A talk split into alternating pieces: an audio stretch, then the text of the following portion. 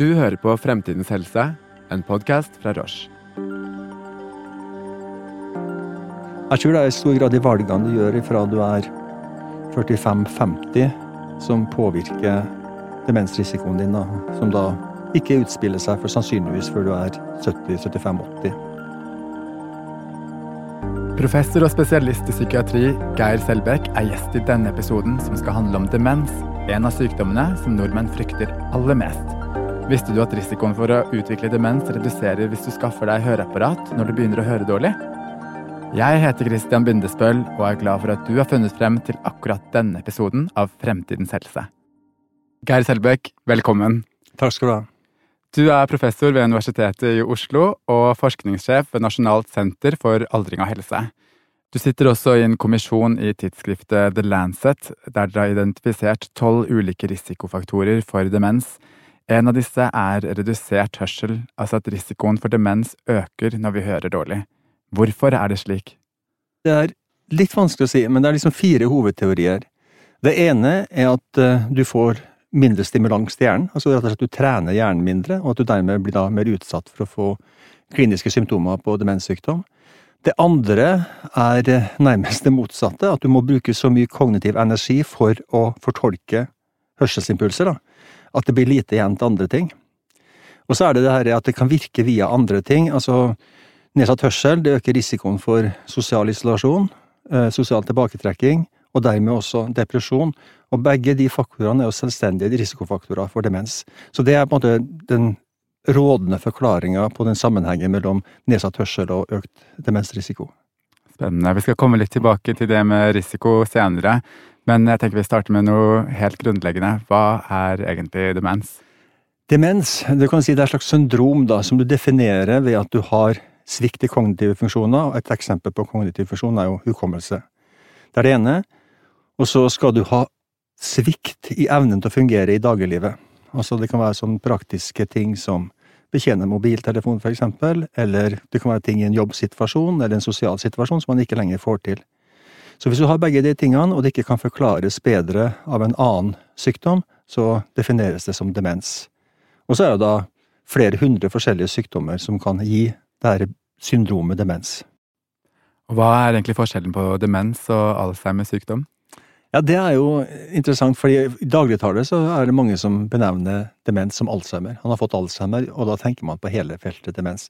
Og så sa jeg at det var flere hundre sykdommer som forårsaker demens, og det høres veldig vanskelig ut, men det er faktisk bare tre, fire, fem som er veldig vanlige og det er da Alzheimers sykdom som vi har snakka om.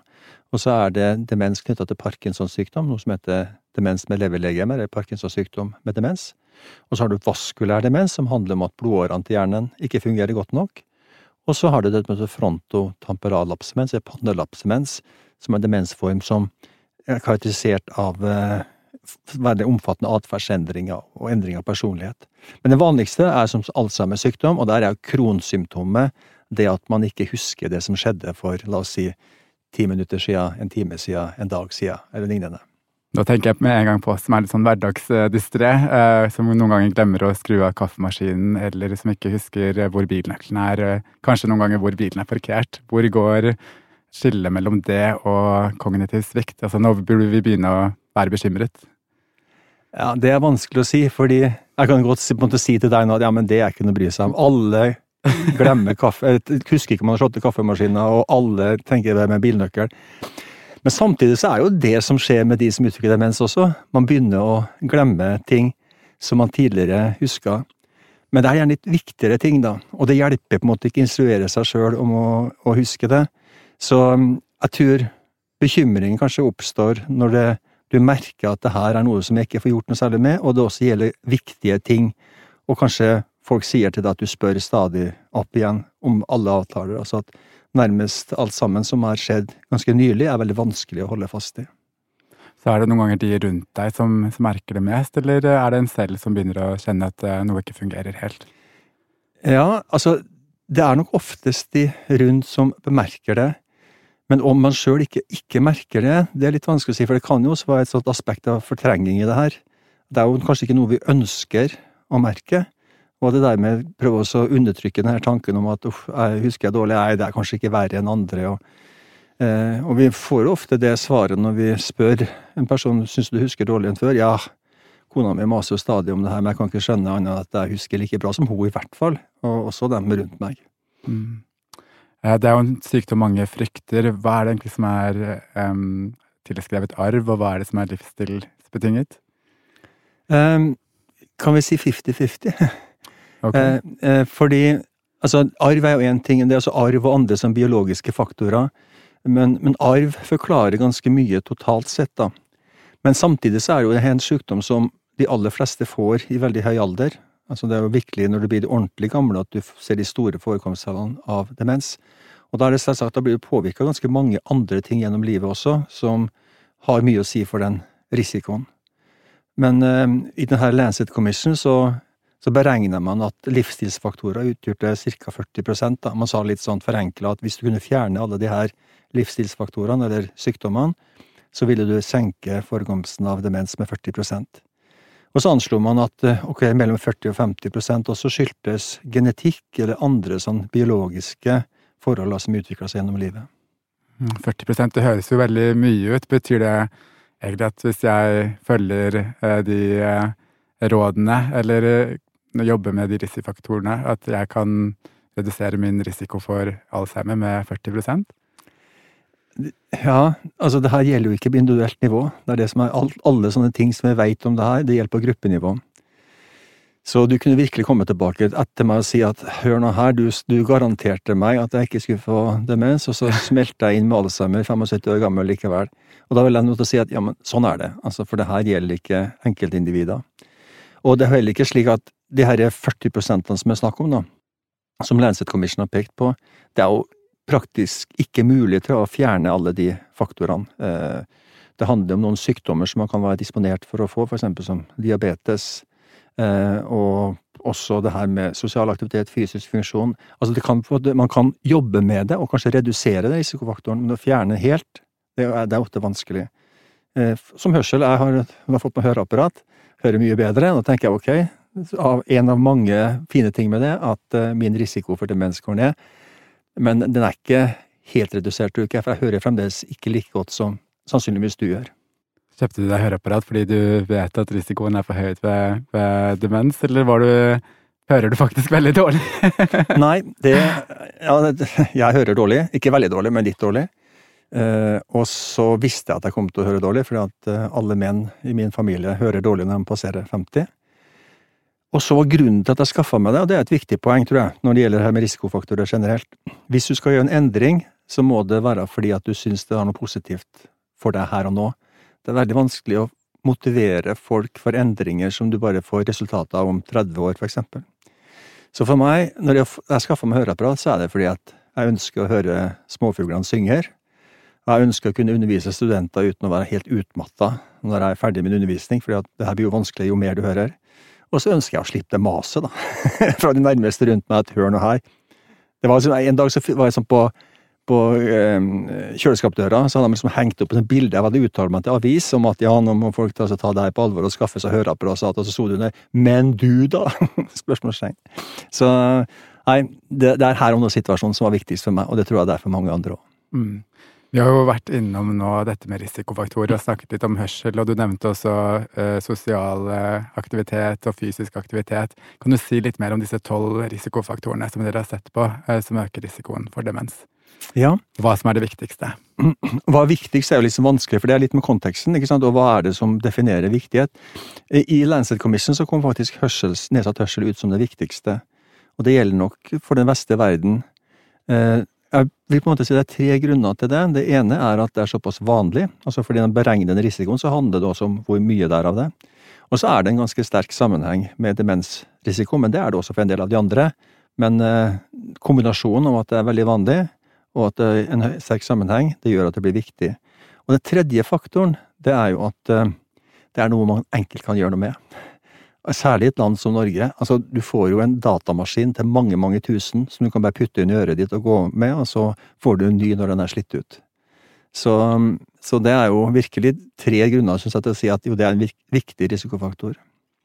Hvis du tenker globalt, da, eh, og øka forekomst av demens er først og fremst en global utfordring. Vi kan godt fokusere på at vi får mye mer i Norge, men land som Kina, India, altså det vi kaller eh, mellominntektsland, da, de har en mye større utfordring og en mye større økning i antall demenstilfeller enn vi har.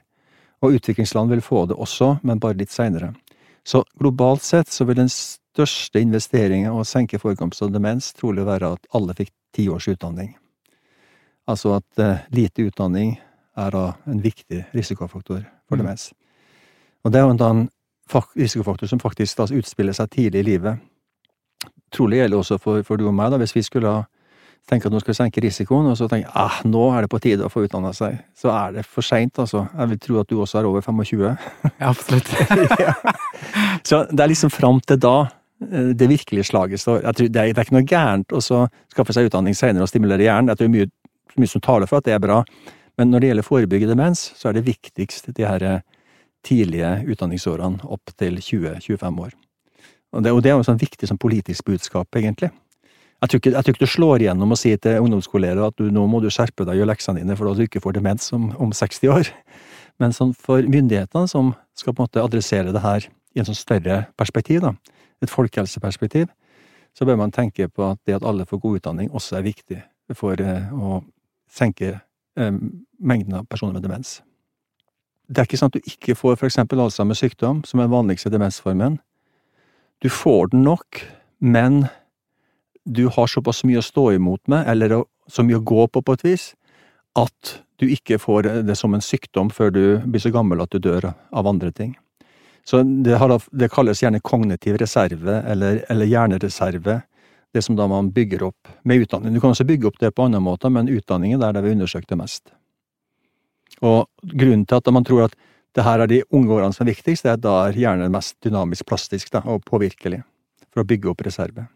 Mange i Norge tar jo høyere utdanning. Når er det vi burde begynne å tenke på forebygging? Eh, når i livet eh, er det det blir viktigst å tenke på forebygging? Det spørs hvilket perspektiv du har, da. Altså, det er mye tilkortkommenhet og depresjon knytta til å bli veldig fokusert på at ikke du greier å endre i livet ditt. Så Sånn sett vil jeg si at man skal ikke tenke for mye på forebygging. Eh, når jeg prøver å snakke om det, så sier jeg at det her er et budskap som er klarere retta til beslutningstagere, politikere eller andre som skal bestemme og planlegge samfunnet, enn det er til enkeltpersoner. Også enkeltpersoner, men først og fremst dem som skal planlegge samfunnet og ligge til rette for at folkehelsa er best mulig. Ellers, når skal man begynne å planlegge? Ja, hvis du skal ha gevinst av det, så tror jeg du skal begynne midt i livet, da. Jeg tror det er i stor grad de valgene du gjør ifra du er 45-50 som påvirker demensrisikoen din, da, som da ikke utspiller seg for sannsynligvis før du er 70-75-80. Så sannsynligvis av 20 30 år før du eventuelt får sykdommen, så skal du eventuelt begynne å investere i det der. Mm. Er det sånn at det er for seint når man har fått symptomer? Nei, men det er for seint å ikke få sykdommen. Det er det. Jeg tror liksom ikke kan stoppe prosessen når du begynner å få symptomer, men det er mye som tyder på at du kan få et bedre forløp, da. Men når du får symptomer, for eksempel i en Alzheimers sykdom, så har du egentlig hatt sykdommen i hjernen ganske lenge, og da er det vanskelig å påvirke den prosessen i noe særlig grad. Så jeg vil si, det er en rekke ting du kan gjøre for å ha det bedre, tror jeg. Men sånne ting som at altså, nå, nå har jeg fått Alzheimers sykdom, da skal jeg i hvert fall slutte å røyke. Det skjønner jeg ikke poenget med. Altså, da tror jeg, hvis, hvis, du har stor glede av å røyke, da, så vil jeg fortsette med det. Eh, eller slutte å drikke alkohol. Altså, store mengder alkohol er alltid skadelig, men det tenker jeg at nå skal jeg gjøre noen sånn helt, helt sånn uh, store endringer i livet som egentlig koster meg fryktelig mye, og som vil påvirke livskvaliteten min mye. Da er det ikke så stor grunn til å si at det vil påvirke det forløpet på en positiv måte. Da syns jeg det handler mer om å opprettholde god livskvalitet. Mm. Da blir det kanskje andre typer man kan eh, forebygge på, sånn som forebygge fall, eller passe på at man eh, har gode rammer for å leve ok i den situasjonen man er. Absolutt, og så handler det også det her om ikke andre sykdommer, fordi andre sykdommer, bare en sånn banal ting som en eh, det kan jo påvirke hvordan du har det med din demenssykdom. Du er jo veldig utsatt til å utvikle delirium, for eksempel, og da får du jo plutselig et veldig fall da, i hva du greier å gjennomføre i det daglige Så det, det, må virkelig ikke tolkes dit at det ikke er noe å gjøre. For det, det, er mye å gjøre for å ha det bedre. Men det er kanskje ikke den samme tankegangen som er rundt det her å forebygge risikofaktorer. Eh, det handler mer om å forebygge ting som gjør at sykdommen blir verre. Eh, medikamenter, for eksempel, er et viktig poeng. da, At man har så god eh, medikamentell oppfølging som uh, mulig, og ikke står på unødvendige medikamenter som har da en mye høyere bivirkningsrisiko når man har fått uh, en demenssykdom. Skjønner. Du nevnte litt dette med at pårørende ofte er de som kan oppdage at noe ikke er helt som det skal. Eh, hva er det man bør være obs på som pårørende, og når er det man merker at ting kanskje ikke er helt normalt? Jeg tror pårørende er jo den som kjenner personen best. Så det er vel endringen det er snakk om der. Uh, en person som endrer seg, enten det er i form av at man plutselig begynner å spørre veldig mye opp igjen, eller kanskje like mye at man nå ikke får til de tingene man fikk til veldig greit før, praktiske ting. Og så kan det være sånne ting som at man har trøbbel med å finne fram ute, eller at man er, trekker seg litt tilbake. Sånn, det kan man gjøre av mange grunner, det er ikke det, men det er når du ser sånne si, Det som du ser, ser Nå kjenner jeg ikke igjen faren min, nå kjenner jeg ikke igjen ektefellen min, eh, nå er det noe som har skjedd her. Da er det nok grunn til å få undersøkt det nærmere.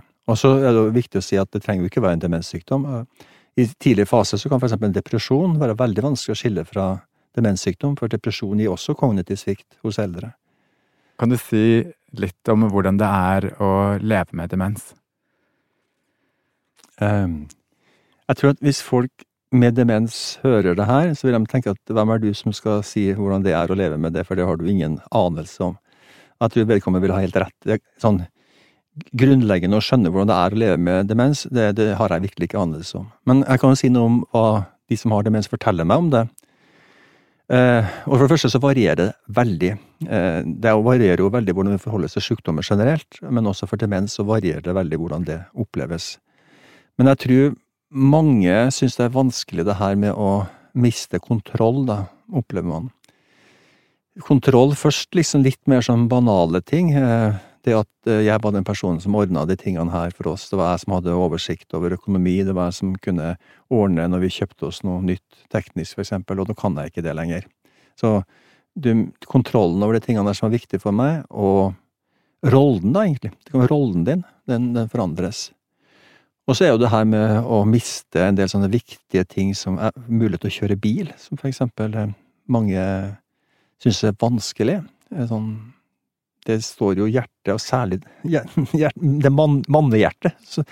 Mm. Førerkortet ligger veldig nær mannehjertet, tror jeg.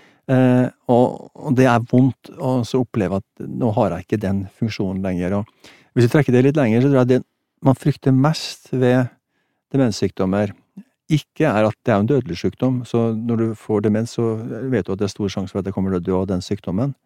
Det ligger ganske mange år fram i tid i så fall.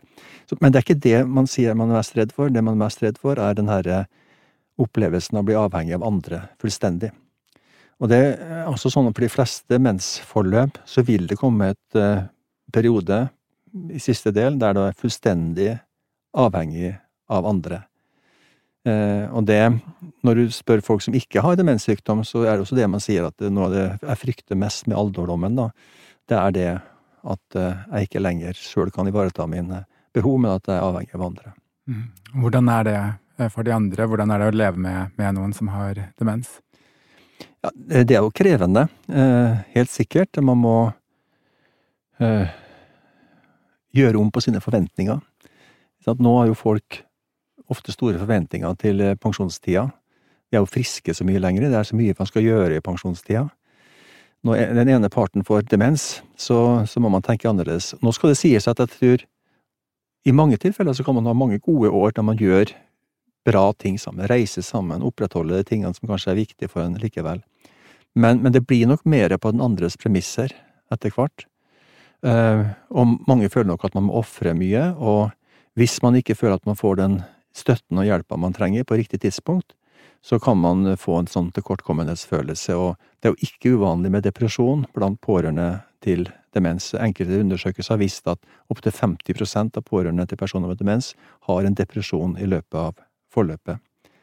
Um, Og så er det jo da spesielle demensformer eller spesielle symptomer som kanskje er enda verre å hanskes med.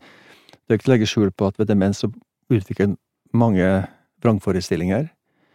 Eh, man innbiller seg ting som ikke er virkelig, og det kan også være retta mot partneren. At man har en idé om at partneren er utro, at partneren sammensverger seg mot den.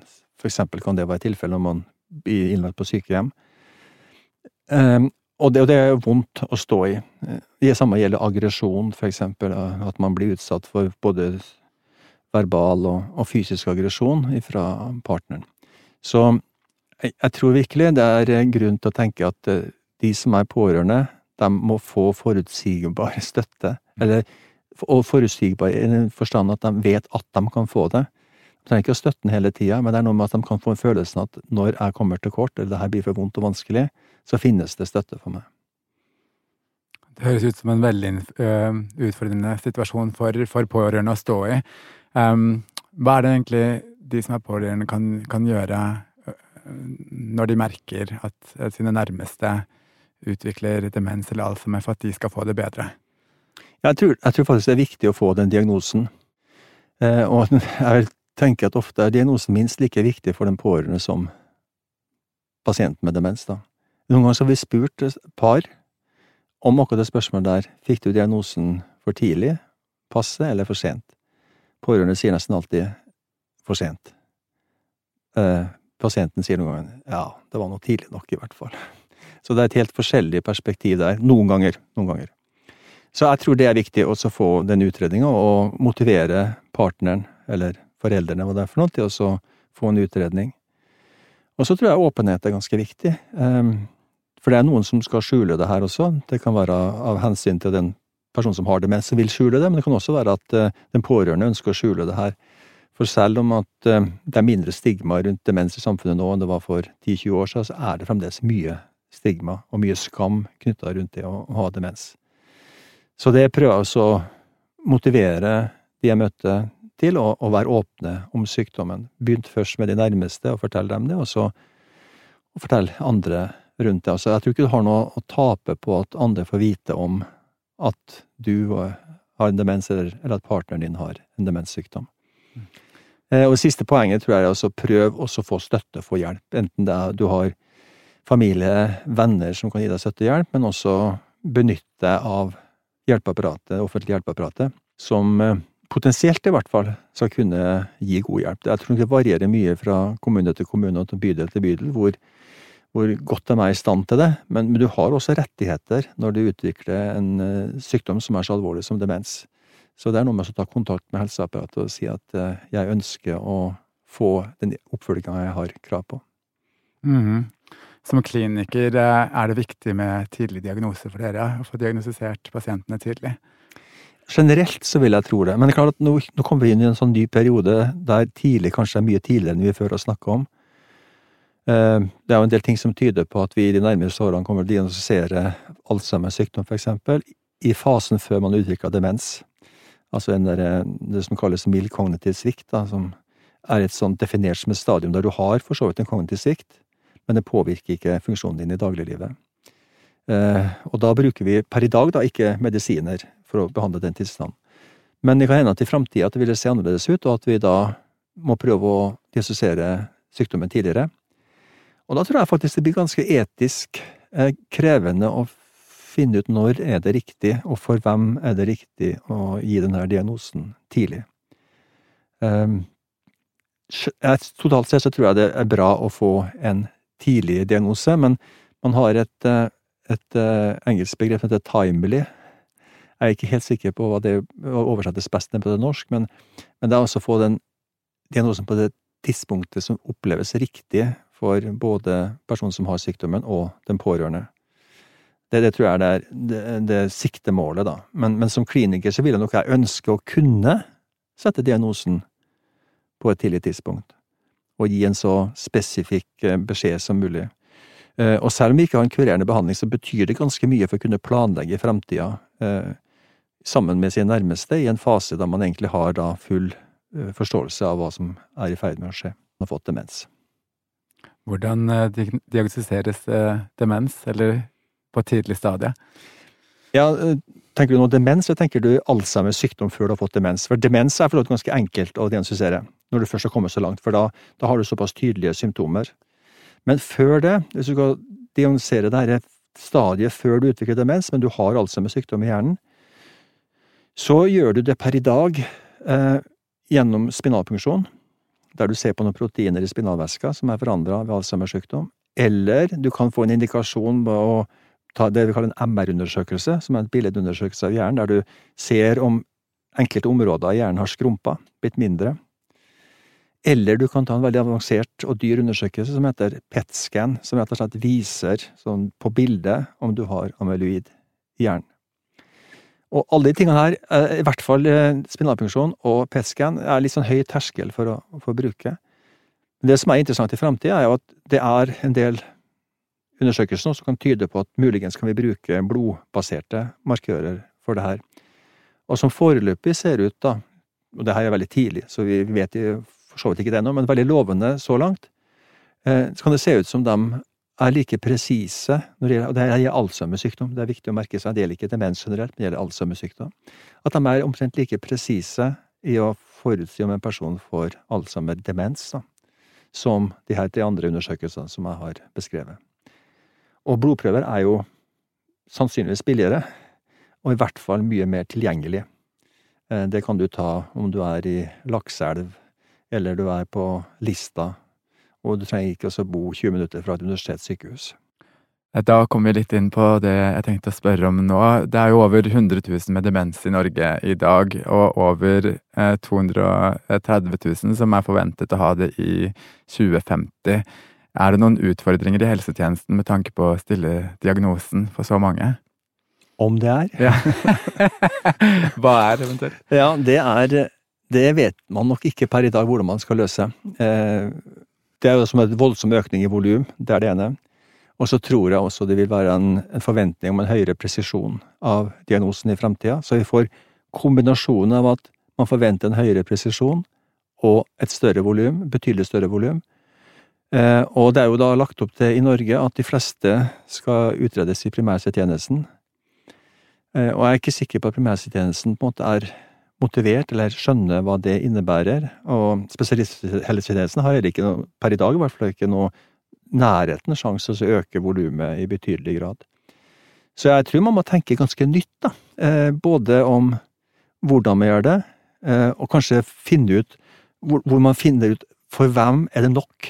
Altså, vi må ha en slags sånn sekvens av ting man kan gjøre, og så etablere at jo, men for den personen her, da er det klart, altså etter bare noen innledende, kanskje online kognitive tester og en undersøkelse hos fastlegen, da er svaret åpenbart. Mens for et lite mindretall, så må du helt opp til det øverste nivået for å få en presis diagnosen. Og det tror jeg vi må jobbe mye mer med, å få en slags sånn traktform på, på forløpet, altså å finne ut hvem er det vi må bruke mye ressurser på, for å gi en presis nok diagnose. Men likevel så er volumet så stort at eh, jeg ser ikke for meg at man ikke får jeg ser ikke for meg at man får til det her hvis man ikke tenker ganske nytt omkring hele organiseringa av diagnostisering. Hvordan bør vi tenke nytt i forhold til i dag? Ja, altså, jeg tror for det første fastlege må bli tryggere i å diagnostisere demens, og de må bli de samarbeidsformene mellom fastleger og hukommelsesteam, for det er jo en kjemperessurs. Altså Fastleger har mye å gjøre, og det er jo blitt veldig aktualisert i det siste. Hele fastlegeordningen er jo trua. Mm. Så det å måtte komme med nye oppgaver til fastleger, det er ikke det så populært. Samtidig er jo her noe man må gjøre uansett. Så hvis man fikk bedre rutiner på det, tryggere rutiner, bedre samarbeid med, med hukommelsesteamene, og kanskje også, og det tror jeg er et viktig poeng, at man kan få samarbeid med spesialisthelsetjenesten uten at man må sende pasienter frem og tilbake, men at man kanskje kan ha Spesialisthelsetjenesten kan støtte fastlege uten at man må på en måte henvise pasienten for å få en undersøkelse i spesialisthelsetjenesten. Vi kunne snakket mye mer om dette, Geir, men eh, jeg tenker Jeg stiller deg spørsmålet Tror du vi noen ganger kommer til å løse Alzheimer-gåten? Skal du ha ja eller nei, eller kan jeg utdype litt? Ja, du kan utdype litt. ja, for, for, hvis jeg måtte sagt ja eller nei, så hadde det vært nei. Fordi det er ikke én gåte. Det er mange gåter. Eh, og jeg tror den behandlinga som eventuelt kan på en måte, hva skal jeg si, iallfall bremse da, sykdommen på en betydelig måte, nesten så det kurerer det, det består ikke av én ting. Det består av flere forskjellige ting. Og jeg tror det å finne hvordan du setter sammen, da, la oss si om ti år, det vi da har av muligheter, medikamentelle muligheter, eh, på en god måte, som er helt individualisert, det er avgjørende. Og da må vi skjønne at det er noe helt annet å snakke om en 70-åring som er i ferd med å utvikle demens, enn en 85-åring som er i ferd med å utvikle demens. Så det er mange gåter, men jeg tror vi er nærmere å komme i gang med å løse dem, i hvert fall. Så en annen mulighet er å stoppe aldringen også?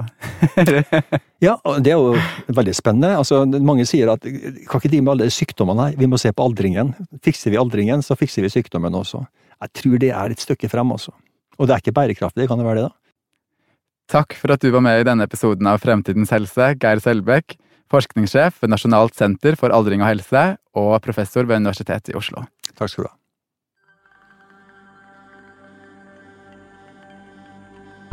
Takk for at du lytter til Fremtidens helse, en podkast fra Roche. Abonner på denne podden for å høre mer om hvordan din og min helsetjeneste er i dag, og hva vi håper på for fremtiden.